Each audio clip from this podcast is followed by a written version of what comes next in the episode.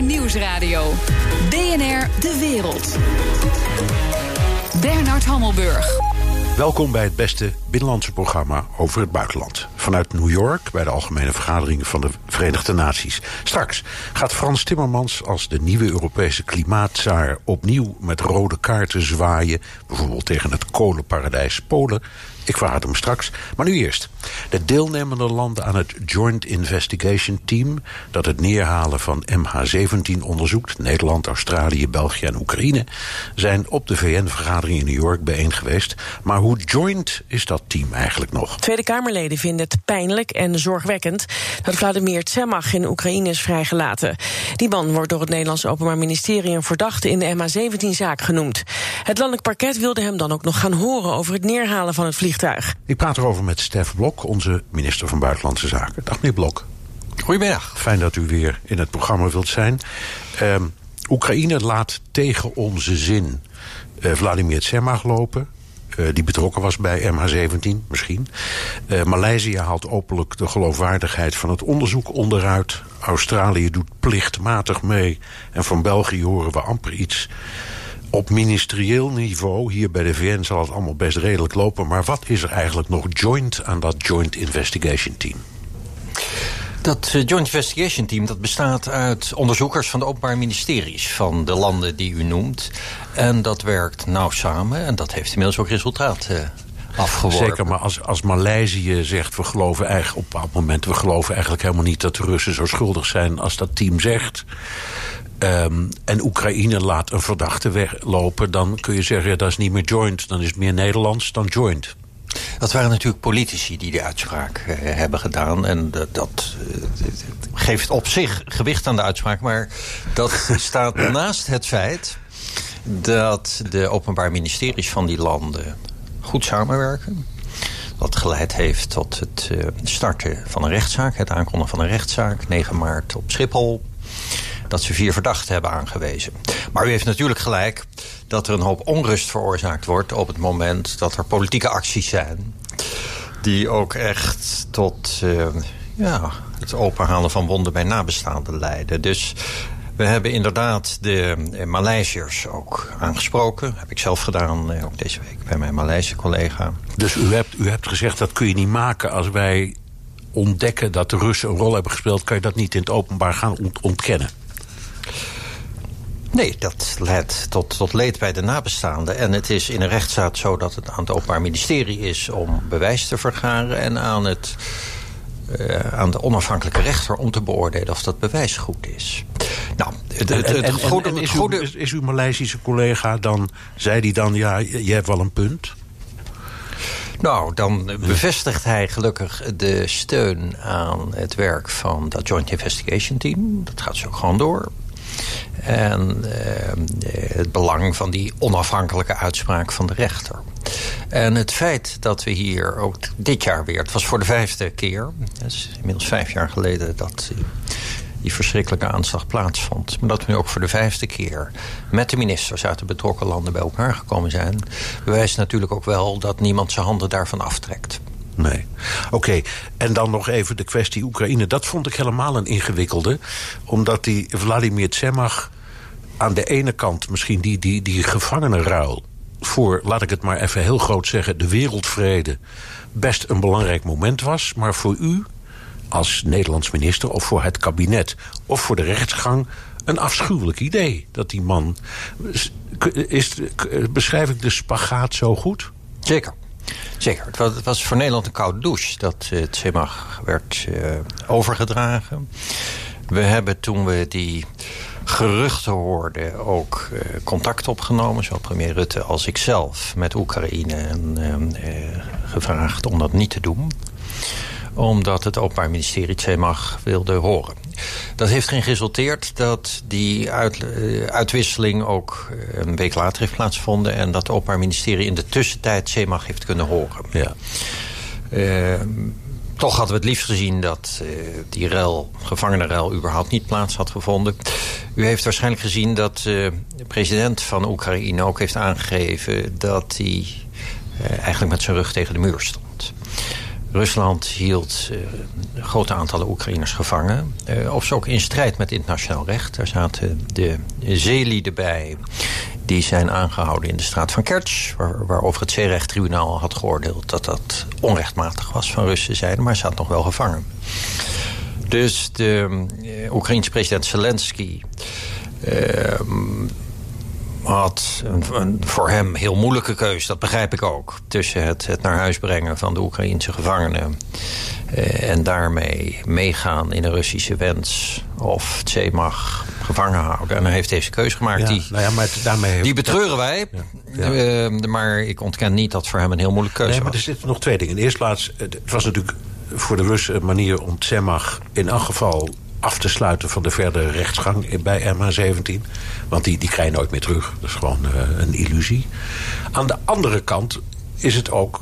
Zij, er waren enorme enthousiaste reacties, ook uit de westerse wereld. Dit was een belangrijke stap op weg naar het herstel van de betrekkingen met Poetin. En zo moest je dat dan ook zien. En u bent minister van Buitenlandse Zaken, dus u moet het ook op die manier bekijken. Allereerst uh, zien we het CEMAG nooit meer. Uh, dat zal de toekomst leren. Het Openbaar Ministerie heeft Rusland gevraagd om aan te houden. En uit te leveren. Nou ja, en, nou ja, nou ja. De, de, de Russen zijn, zijn, zijn, zijn fanatiek op dat punt. Die leveren nooit mensen uit. U zegt nou ja. ja.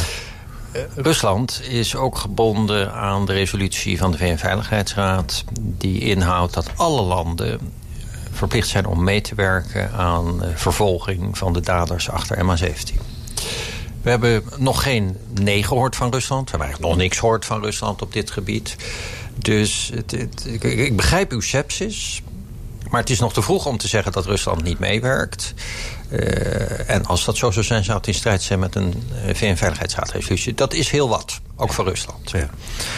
Het andere punt wat u aansnijdt is dat natuurlijk gehoopt wordt dat het probleem in Oost-Oekraïne opgelost kan worden door onderhandelingen tussen Rusland en Oekraïne en, en dat zo'n gevangenenruil daarbij zou kunnen helpen.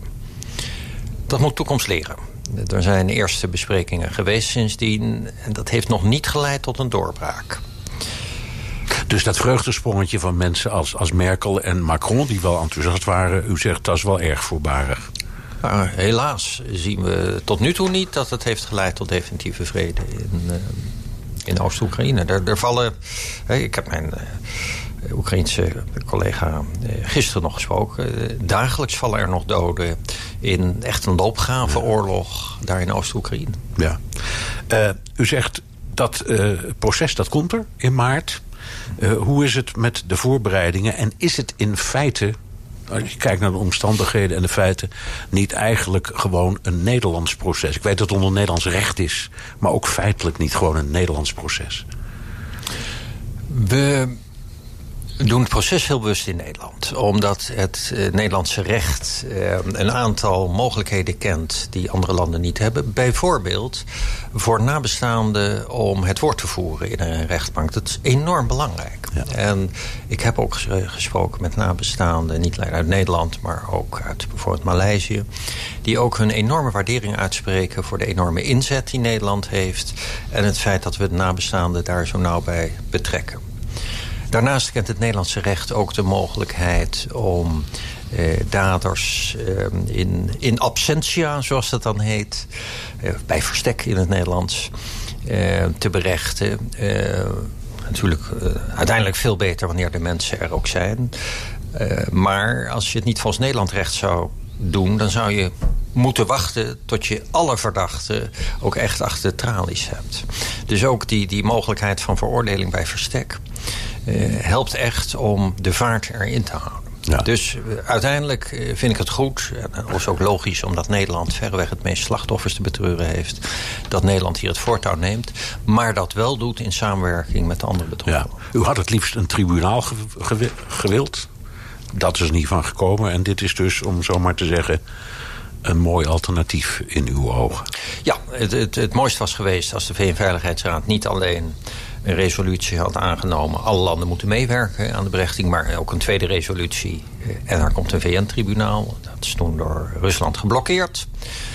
geen reden voor ons om dan de, onze handen in wanhoop omhoog te heffen. Toen hebben we voor deze optie gekozen.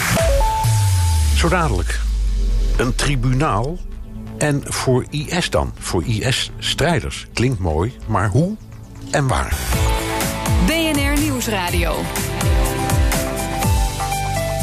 BNR De Wereld.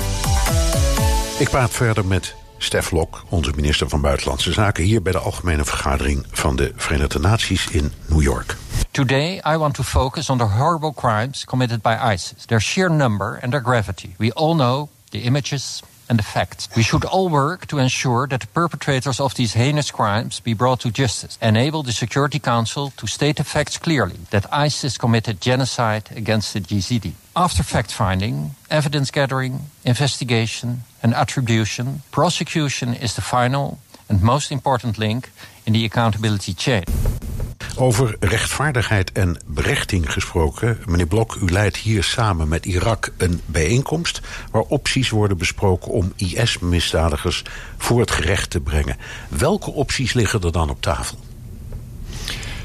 Er is helaas de nodige ervaring met uh, verschrikkelijke oorlogen, uh, mogelijk ook genocide en internationale berechting. We hebben in Nederland het Joegoslavië-tribunaal gehad. Op dit moment is Nederland ook het gastland van het Kosovo-tribunaal. En Nederland is ook het gastland van het internationaal strafhof. Eigenlijk is de, de, de koninklijke route voor berechting van, van dit soort van hele zware misdrijven mogelijk ook genocide... dat naar dat internationaal strafhof wordt gegaan. Dat is speciaal daarvoor opgericht. Nu kunnen alleen misdrijven daar berecht worden... die uh, gepleegd zijn in landen die aangesloten zijn bij dat strafhof. En helaas zijn zowel Irak als, Syrië, niet geen, aangesloten. Geen van beiden. Dus dat, die, die, die optie vervalt per definitie. Ja, er is ook nog een tweede route... Dat is wanneer de VN-veiligheidsraad een uh, misdrijf verwijst naar het internationaal strafhof... dan kan dat ook voor landen die niet zijn aangesloten... een verplichting inhouden om mee te werken. Helaas uh, wil in ieder geval Rusland permanent lid van de Veiligheidsraad ook die route niet ingaan. En, en China ook niet, heb ik begrepen. Zou ook eh, zomaar het geval kunnen zijn, maar één veto is al, uh, is al genoeg. Dus op dit moment is de, de koninklijke weg, het internationaal strafhof in uh, Den Haag, niet begaanbaar. Blijft staan dat er verschrikkelijke misdrijven zijn gepleegd. En dat Nederland met, met de enorme traditie die we hebben als het gaat om internationaal recht... dat Nederland vindt dat die berechting plaats moet vinden. Maar u hebt eerder, u hebt eerder in, in de Veiligheidsraad gezegd... bij voorkeur dan maar in de regio, als ik het goed, ja. zo goed zeg. Ja. ja. Waar, waar, waar, dan en hoe dan en onder welk recht? Allereerst die voorkeur in de regio. Dat is eigenlijk um, in het recht ook de, de klassieke route. De misdrijven hebben daar plaatsgevonden. De getuigen zijn daar. En het doen van recht doe je natuurlijk om een aantal redenen. Maar allereerst ook om, om de, de, de slachtoffers, hun familie en nabestaanden recht te doen. Dus dat is al een hele belangrijke reden waarom je het daar in het gebied wil doen. En de daders bevinden zich daar. In Irak zijn natuurlijk een grote van de misdrijven van ISIS gepleegd, naast, naast Syrië. Uh, met Irak onderhoudt Nederland nauwe contacten. We en en organiseert, u, organiseert u ook deze bijeenkomst bij de VN? Ja. Maar het, maar het is uh, in onze ogen geen rechtsstaat. Althans, het is dubieus. Ze hebben de doodstraf. Het is nou niet bepaald een maatje waar je als West-Europees land op dat gebied mee samen wil werken. Er zijn inderdaad een aantal randvoorwaarden die Nederland altijd zal stellen. Die overigens ook andere westerse Europese landen die, die met Nederland samenwerken stellen. En dat is dat er geen doodstraf wordt toegepast. En de Iraanse grondwet kent de doodstraf. Dat is dat er een fatsoenlijke rechtsgang plaatsvindt... met advocaten, met een onafhankelijk openbaar aanklager. En dat is dat als het mensen zijn die de Nederlandse nationaliteit hebben... dat die ook eh, door ons eh, consulaat begeleid kunnen worden. Aan die voorwaarden is op dit moment niet voldaan. Dus op tafel in ons gesprekken met Irak ligt... met onze bedoel ik Nederland en andere Europese landen... kunnen we met elkaar afspraken maken over berechting in Irak... Waarbij we aan de ene kant Irak kunnen ondersteunen. Want Irak heeft zelf zo'n 20.000 gevangenen. Echt een, een enorme opgave. En Irak is een land dat, dat uit een burgeroorlog komt. Dat dus ook moet zorgen dat de groepen die met elkaar gestreden hebben... Uh, eigenlijk weer met een schone lei kunnen beginnen. Maar het praktisch betekent dat dat u tegen Irak zegt... we zouden het best bij jullie willen doen... maar dan moet je aan een aantal voorwaarden voldaan. Je moet beloven dat je de doodstraf niet eist. Je moet beloven dat je de rechtsgang laat gaan... zoals wij die in West-Europa ongeveer gewend zijn. Met uh, onafhankelijke aanklagers, onafhankelijke advocaten... toegang van verdachten tot hun advocaten...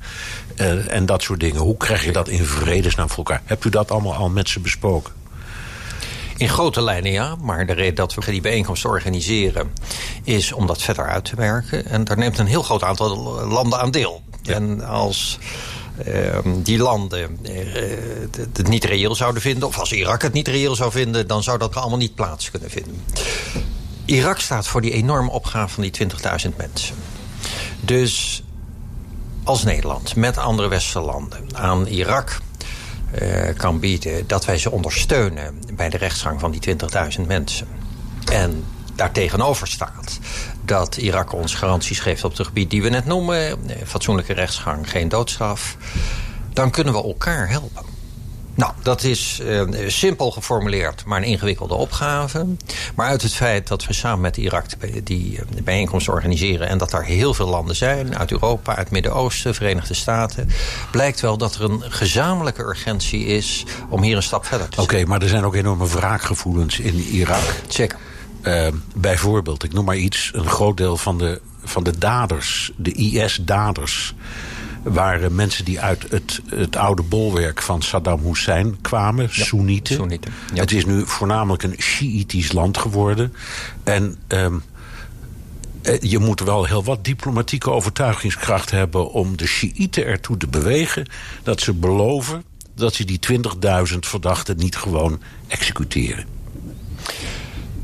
U heeft helemaal gelijk dat, dat hier een, een, een diepe eh, en, en eigenlijk ook al heel langdurige twist achter schuil gaat. Toch heeft de geschiedenis geleerd dat als je bij een verslagen tegenstander alleen maar de knoet hanteert... dat dat leidt tot het weer oplaaien van boosheid. Omdat hun familie en hun vrienden dan de overtuiging hebben... wij hebben niets te verwachten van het huidige regime. En die bedreiging, die ziet de regering van Irak natuurlijk ja. ook. Dus daarom is voor de wederopbouw van dat land... het van enorm belang dat die fatsoenlijke rechtsgang... die Nederland en andere Europese landen willen daar ook plaatsvindt. Er zit iets vreemds in het verhaal, omdat aan de ene kant zegt u... dit moet gebeuren, die mensen moeten berecht. Onder die daders zitten misschien ook Nederlanders. En het standpunt van de Nederlandse regering is... we halen in feite strijders uit Irak niet terug. Maar u wilt, ze wel een eerlijk proces geven in een ander land. Dat begrijp ik niet. Het is het een of het ander. Nee, daar is helemaal niets vreemds aan. Als een Nederlander in het buitenland een misdrijf begaat... en dat gebeurt helaas met enige regelmaat... dan wordt hij daar berecht. Overigens, als een buitenlander in Nederland misdrijf begaat... wordt hij daar ook berecht. Dan zeggen wij ook niet... Uh, ga maar naar je eigen land en ga daar naar de rechter. Dus de route die we kiezen is de normale route... bij de, bedreiging van, ja. uh, bij de berechting van misdrijven. Ja, in feite, ik bedenk nu... Macron is hierop vooruitgelopen... Want die heeft inderdaad gezegd... een groep Fransen moet maar, die nu is gepakt... die moet maar in Irak worden berecht. Ondanks het feit dat ze daar de doodstraf hebben. Maar daar heeft hij niet over gepiept, heb ik begrepen. Nou, Frankrijk is een van de landen waar we nou mee samenwerken... om, om de, die brechting te bereiken. Uh, ook Frankrijk is tegen de doodstraf. Dus is een van de landen die met ons een afspraak wil maken met Irak. Dat inhoudt die berechting. Maar ik bedoel, ze hebben, plaats, ze hebben maar wel fatsoenlijk. Ze hebben er al op vooruit gelopen door een eerste pluk verdachten nou ja, aan Irak over te leveren, uit te leveren, daar te laten, hoe je het maar noemt. Nou, die, die zijn gevangen genomen in, ja. in Irak. Die hadden gevochten in, in Mosul. Uh, hadden ook een uh, Frans paspoort, zijn door Irak berecht. De, ter dood veroordeeld. Die uh, doodstraf is op dit moment gelukkig niet opgelegd. Maar het illustreert inderdaad wel het, het, het uiteindelijk gemeenschappelijke belang van een fatsoenlijke berecht. Nog even één ding dat besproken moet worden, denk ik, in deze week. Want je hoort niet anders. De kwestie Iran, die aanval op die Saoedische installatie. Ja welke redenering je ook volgt... er staat overal een vingerafdruk van Iran op. Of ze hebben het zelf gedaan, of ze hebben het laten doen... of iemand heeft het gedaan met hun wapens, maar hoe dan ook. Wat is ons standpunt hierover, het Nederlandse standpunt? Zeggen wij ook, Iran heeft het gedaan? U heeft ongetwijfeld gezien dat... Uh, Frankrijk, Duitsland en het VK gezegd hebben... dat uh, zij eh, de hand van Iran hierachter zien. En eh, ik heb geen reden om te twijfelen aan de verklaring van deze drie grote bondgenoten. En dus? Want we zijn tegelijkertijd voorstanders van het instand houden van de nucleaire deal. Uh, we proberen toch te zoeken naar mogelijkheden om handel op gang te houden. Brengt dat u niet van dat pad? Dat nucleair akkoord was en is van grote waarde. Want er valt Iran heel veel te verwijten. En, en sinds de aanval van vorige week eh, nog meer. Eh, ze spelen een heel negatieve rol in de regio. Zowel in Jemen als in Syrië. Als, als ehm, eh, in Libanon met Hezbollah. Maar ze hielden zich aan dat nucleair akkoord. De, Internationaal Atoomenergieagentschap controleert daar heel regelmatig... om te kijken of ze eh, geen uranium verrijken eh, op manier die in strijd zou zijn met dat akkoord. En dat uh, atoomenergieagentschap heeft steeds gezegd... Iran houdt zich eraan. En de winst van het niet ontwikkelen van kernwapens... in die explosieve regio is zo groot... dat Nederland met alle andere Europese landen steeds gezegd heeft... moet dat akkoord overeind houden. Zolang Iran zich daaraan houdt. En je moet het niet vermengen met de andere verwerpelijke acties in van het, Iran. In het verlengde van dit alles ligt er een Amerikaans verzoek... al sinds juni om een fregat of andere steun te leveren. Het is nu eind september. Er is nog steeds geen antwoord. Kunnen we zeggen dat het antwoord nee is... maar dat we beleefd genoeg zijn om dat niet hardop te zeggen? Het is een serieus verzoek. Eh, Nederland is een, een, eh, belangrijke scheepvaartnatie. komen iedere dag ook Nederlandse schepen door de straat van Hormuz. Uh, maar het is ook serieus verzoek omdat het uitzenden van een fregat... vooral uh, de mannen en vrouwen die daarop varen... echt een heel serieuze aangelegenheid Maar moeten we dan 4,5 maand, 3,5 maand denken? Ja. Want die tijd gebruiken we uh, niet alleen om, om intern te kijken... Of, of schepen en mannen en vrouwen beschikbaar zijn... maar ook om met onze bondgenoten eh, te overleggen hoe zij erin zitten. Nederland treedt nooit alleen op. U weet dat we op de uh, laatste, het laatste overleg van de Europese minister van Buitenlandse Zaken in Helsinki daar uitgebreid over overlegd. Hebben toen ook hebben afgesproken dat we daar verder met elkaar naar kijken. Maar ik vind het bij dit soort van belangrijke beslissingen niet verwijtbaar wanneer dat veel tijd kost. Uh, want die mag je niet lichtvaardig nemen. Uh, dus wij hebben nog geen ja en nog geen nee gezegd. En we zullen hier echt in nauw overleg met de Europese bondgenoten... en natuurlijk ook de VS opereren. Stefan Blok, minister van Buitenlandse Zaken, heel hartelijk dank. Graag gedaan. BNR Nieuwsradio. BNR De Wereld. Bernard Hammelburg. Het openbaar maken van het telefoongesprek tussen Donald Trump en de Oekraïense president Zelensky veroorzaakt irritatie in Brussel. En dan gaat het er niet om of Trump wel of niet probeerde de regering in Kiev te chanteren en hem te helpen Joe Biden zwart te maken. Het gaat om wat de Amerikaanse president zei over de EU, Duitsland en Angela Merkel. Europa-verslaggever Jesse Pinster, wat zegt Trump precies over Europa in dat telefoongesprek waar zoveel over te doen is? Ja, dan moeten we naar pagina 2 van het uitgeschreven uh, gesprek. En daarin zegt Trump dat ja, zij, Amerika, veel doen voor Oekraïne, maar die Europese landen die zouden veel meer moeten doen. Hij zegt daar letterlijk: Duitsland doet bijna niets. Angela Merkel doet helemaal niets. En ja, ze praten alleen maar in Europa. En daar reageert Zelensky, de Oekraïense president, op met helemaal mee eens. Niet 100%, maar 1000%. En nou, zeg maar, deze aanklacht tegen dat Europa te weinig doet, die herhaalde Trump gisteravond nog eens een keer toen hij een ontmoeting had met Zelensky in New York. The United States helps Ukraine, but I think that other countries should help Ukraine much more than they're doing. Germany, France, uh, the European Union nations, they really should help you a lot more. They have to feel a little bit guilty about it because they don't do what they should be doing. Ja, nou is het wel een beetje een stokpaardje natuurlijk van Trump... Hè, om tegen Duitsland en Europa, als het gaat om te weinig uitgeven, tekeer te gaan. Goed, maar heeft hij gelijk? Doet Amerika meer voor Oekraïne dan de Europese Unie? Nou, de Europese Commissie denkt daar in ieder geval anders over. Want die kwamen al heel snel met een, eh, een PDF op te proppen. Waarin zij zeggen dat er 15 miljard euro sinds, uh, sinds 2014 is overgemaakt naar Oekraïne. Nou ja, overgemaakt, als je goed gaat kijken, dan gaat het toch ook wel over leningen en voordelen die ze hebben uit de handelsverdragen. dus ik heb ook nog eventjes een, een. Er was een factcheck van de New York Times hierover. En die hebben de cijfers van de OESO e gepakt, die over ontwikkelingshulp gaan. En dan zie je dat er sinds 2014 door Europa 1,8 miljard is vrijgemaakt voor Oekraïne en de VS 900 miljoen. Dus nee, de uitspraak van Trump klopt eigenlijk niet. Oekraïense president zou wel niet blij zijn dat hij uh, midden in die Trump-storm is beland. Nee, hij was dus uh, ook een beetje uh, verrast over, bleek gisteravond. Want hij, ja, hij dacht dat ze eigenlijk alleen de woorden van Donald Trump openbaar zouden gaan maken. They told us they want to publish it. I just thought they would publish their part, but that's okay. Ja, dat zei hij iets nadat hij een ontmoeting met Trump had gehad. En tijdens die ontmoeting, ja, toen gaf hij aan ja, dat hij er inderdaad niet erg blij mee is. I'm sorry, but I don't want to be involved to democratic, open uh, um, elections. Elections of USA. Ja, hij wil daar toch liever niet in betrokken worden, maar hij kon ook nog wel een klein grapje over maken. It's better to be on TV than by phone. Ja. ja, het is beter om elkaar voor de camera's te spreken dan over de telefoon, zei Zelensky.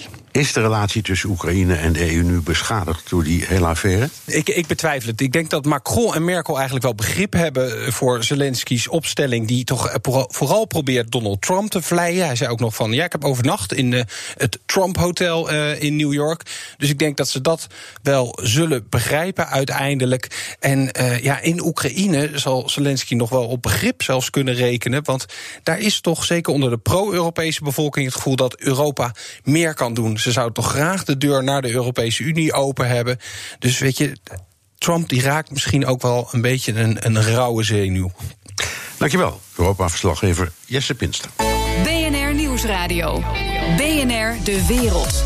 Frans Timmermans is vanaf 1 november de klimaatchef en tweede man in de nieuwe Europese Commissie van Ursula von der Leyen. Frans Timmermans will be the executive vice president for the European Green Deal. I want the European Green Deal to become Europe's hallmark. At the heart of it is our commitment to becoming the world's first climate neutral continent. Frans Timmermans is mijn gast hier bij de VN in New York. Welkom terug in het programma.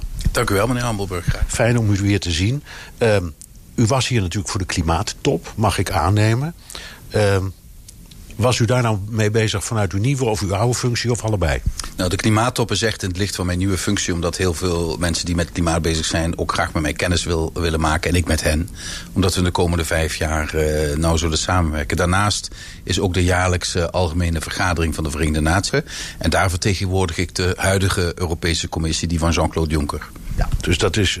U bent hier eh, zeggen, voor de algemene vergadering in uw oude functie.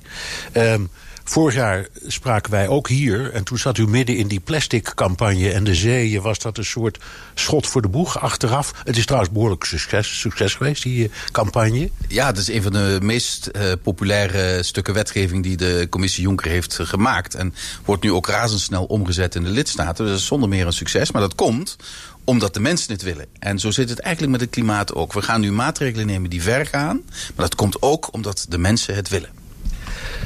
U krijgt die uh, portefeuille klimaat en duurzaamheid. Wat valt daar nou precies onder? Want je hoort allerlei verhalen dat ja, milieu misschien wel, of maar gedeeltelijk. Dat valt gedeeltelijk onder een andere commissaris.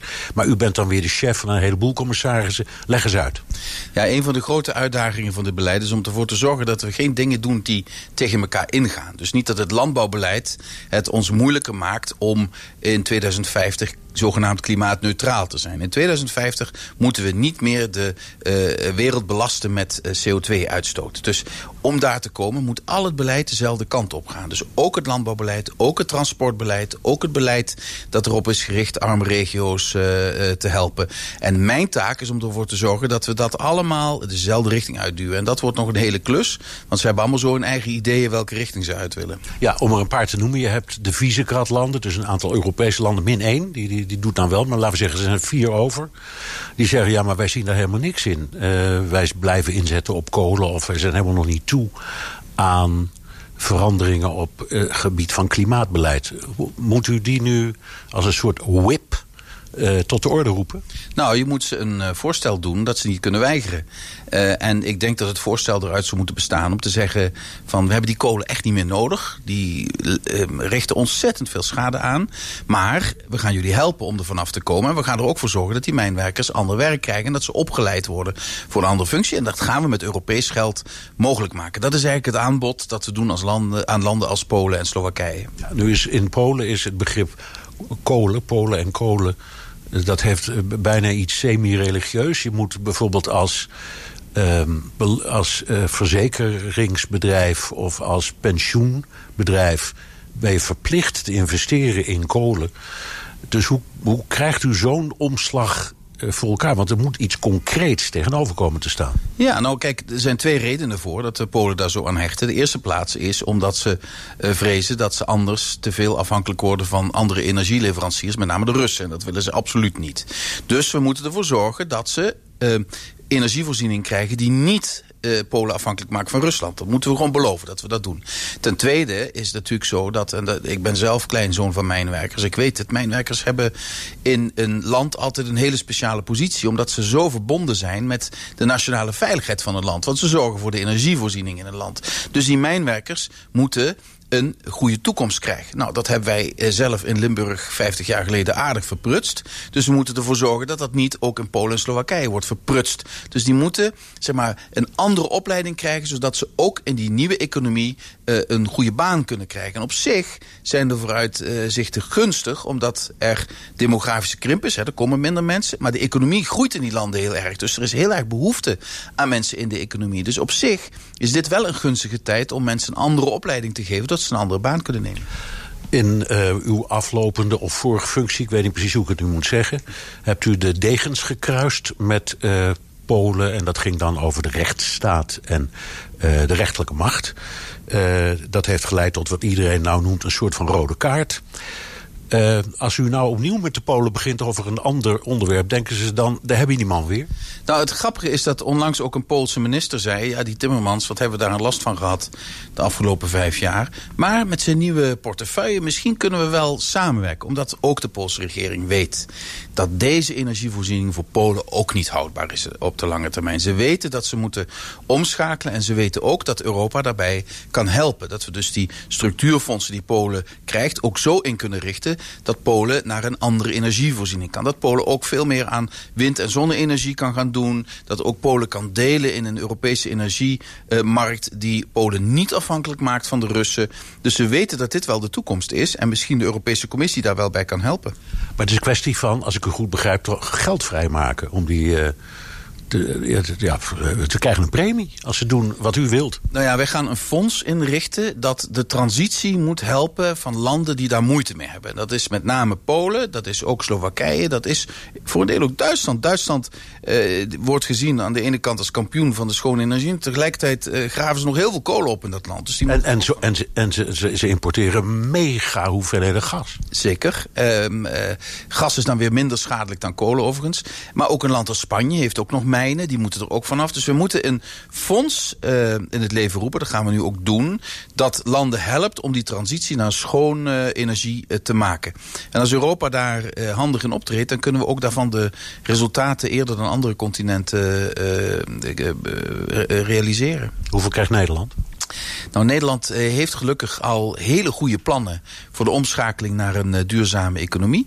Uh, daar is het kabinet denk ik wel voortvarend uh, in opgetreden. Klimaatwet en ook aangetoond wat er moet gebeuren om dat te laten gebeuren. Ik denk dat voor Nederland belangrijk is dat de Europese Unie aan Nederlands zijde staat om bijvoorbeeld het stikstofprobleem uh, aan te pakken. Dat dat er niet toe leidt dat er niet meer gebouwd kan worden in Nederland. Uh, ik denk ook dat uh, bij het nieuwe landbouwbeleid dat we moeten gaan inkleden Nederland een belangrijke rol kan spelen. Omdat Nederland heel veel kennis heeft om duurzame landbouw mogelijk te maken. Dus ik zie voor Nederland echt grote kansen. Zo dadelijk Frans Timmermans over zijn eigen rol en de macht en onmacht van Brussel. BNR Nieuwsradio. BNR De Wereld. Ik praat verder met mijn gast Frans Timmermans, binnenkort de tweede man van de Europese Commissie met de portefeuille duurzaamheid en klimaat. Es verdad eh, que se han eh, provocado algunas eh, confusiones con la nueva estructura planteada por la señora von der Leyen.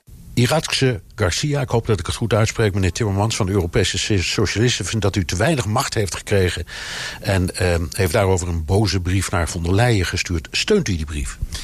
Nou ja, kijk, dat, dat politieke partijen in het Europees Parlement proberen om voor hun familie uh, uh, het meeste eruit te halen is logisch. En ik, ik vind het ook heel goed dat mijn uh, politieke familie dat doet. Want reken erop dat de conservatieven in het Europees Parlement precies hetzelfde doen. Concreet, Ursula von der Leyen heeft besloten om in plaats van twee, drie vicepresidenten te benoemen.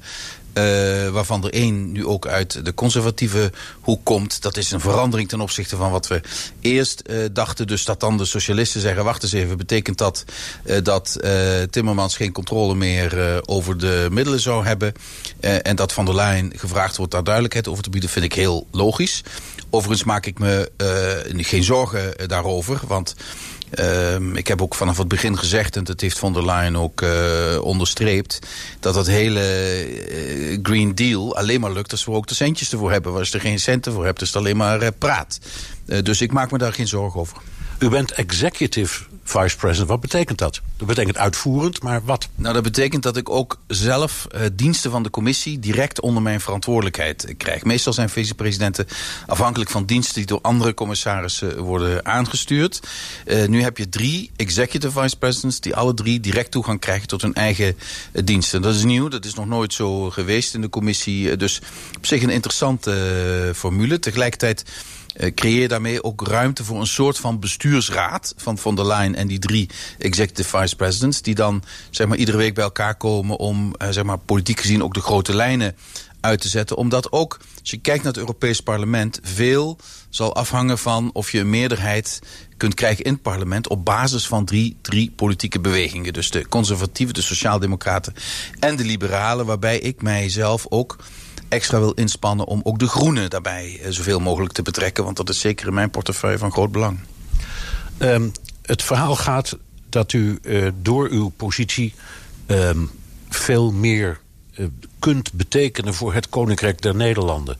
En dat u ook um, ja, bepaalde zeer goede aparte, misschien niet altijd publieke contacten hebt of onderhoudt met de regering Rutte. Is dat ook zo?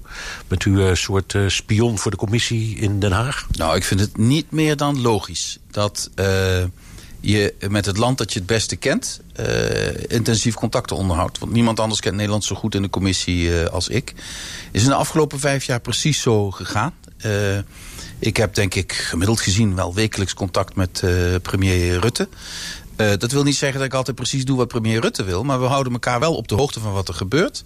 Soms spreekt hij zijn zorgen uit over dingen die in de commissie gebeuren. Soms spreek ik mijn zorgen uit over wat in Nederland gebeurt. Soms komen we tot overeenstemming over hoe het beste vooruit zit. Noem eens één voorbeeld van waar u zich zorgen over maakt in Nederland.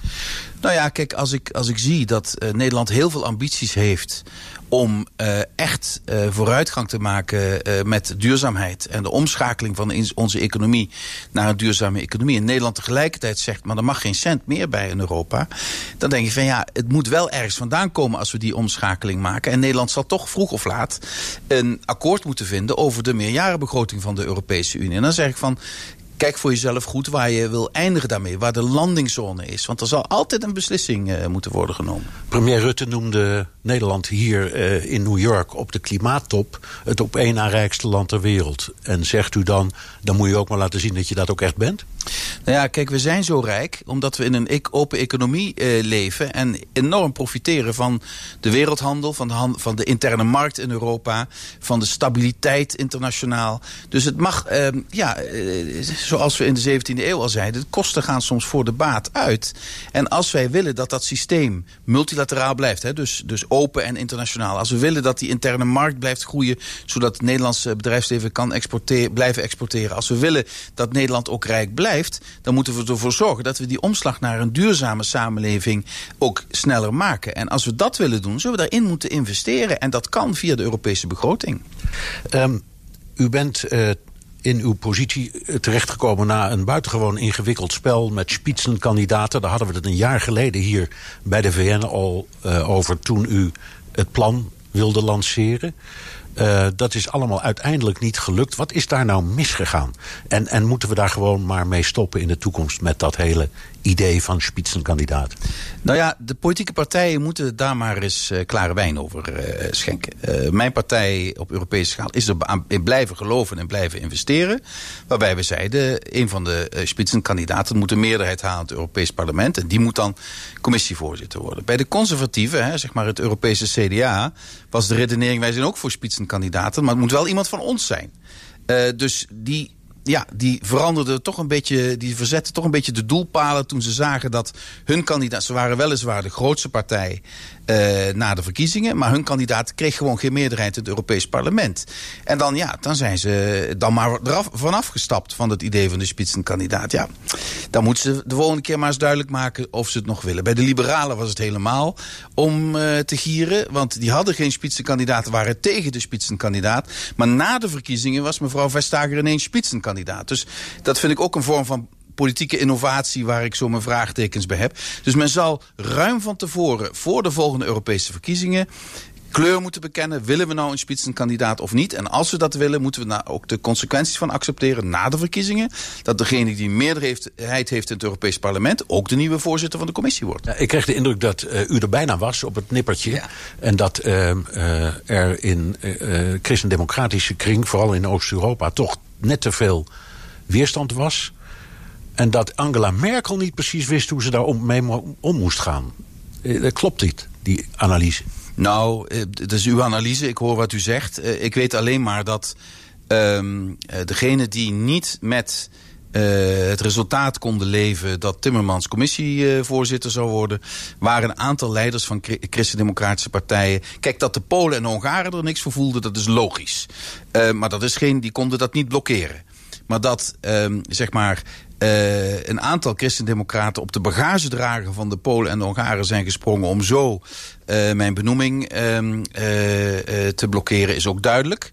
En uiteindelijk is de uitkomst natuurlijk een prima president van de Europese Commissie. Zuur voor mij natuurlijk, maar ik ben wel heel blij dat we iemand hebben die echt de Europese gedachten in zich draagt. Ja, dat brengt me tot de laatste vraag. We nemen afscheid van Jean-Claude Juncker. Dat was ook weer mijn woorden, nou niet de meest krachtige leider in de wereldgeschiedenis. Hebt u de indruk dat deze nieuwe president van de commissie uh, een verbetering brengt... en tegelijkertijd het voor u ook moeilijker kan maken? Nou, ik hoop dat de commissie Juncker op de daden zal worden uh, beoordeeld. En dan is het helemaal niet zo'n slechte commissie geweest... zeg ik met een groot gevoel voor understatement. Ik denk dat we veel hebben bereikt. Meer dan veel mensen uh, gedacht hebben. we krijgen nu iemand met een andere achtergrond... met een andere stijl, uit een ander land... Nou, dat, dat brengt verandering met zich mee. Ik denk dat Ursula ook zich meer op het internationale vlak zal profileren. Ik denk dat we daar op dit moment ook behoefte aan hebben. Dus ik, ik, ik begroet dat uh, zeer. Ik juich dat zeer toe. En ik verheug me op een uh, nieuwe uh, periode op een andere manier met andere prioriteiten. De tijd is ook veranderd. Maar ik vind dat Jean-Claude Juncker een groot compliment verdient... voor wat hij heeft gepresteerd in de afgelopen vijf jaar. Nou, vind ik heel chic. Dank u wel. Frans Timmermans, eurocommissaris en gefeliciteerd met uw nieuwe functie. Tot zover BNR De Wereld. Reageren kan via een mailtje naar dewereld.bnr.nl. Terugluisteren kan via de site, de app, iTunes of Spotify. Tot volgende week.